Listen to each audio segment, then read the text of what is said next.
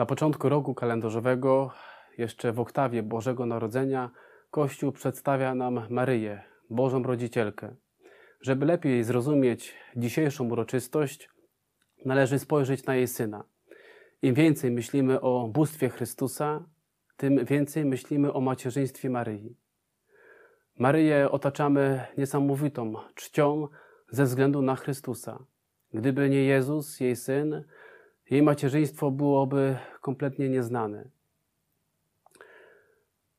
Pewien chłopiec z katolickiej szkoły rozmawiał ze swoim sąsiadem, profesorem z uniwersytetu. I profesor sobie drwił z chłopca, rozmawiając na temat Maryi, że nie różni się ona od jego matki.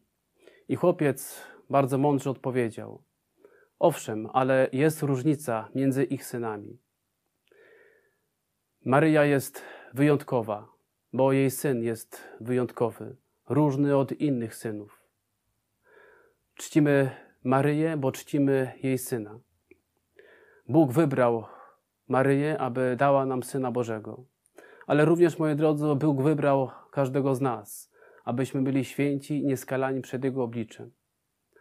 Bóg dał Ducha Świętego Maryi, ale również dał Ducha Świętego nam na chrzcie i bierzmowaniu. Maryja rodzi Jezusa w Betlejem, ale my również możemy rodzić do wiary innych ludzi.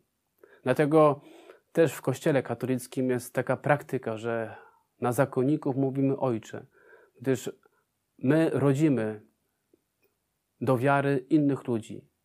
I każdy z nas może mieć udział w Bożym macierzyństwie. Wtedy, kiedy dzielimy się wiarą, kiedy przekazujemy ją innym, możemy rodzić Chrystusa w innych ludziach, których spotykamy.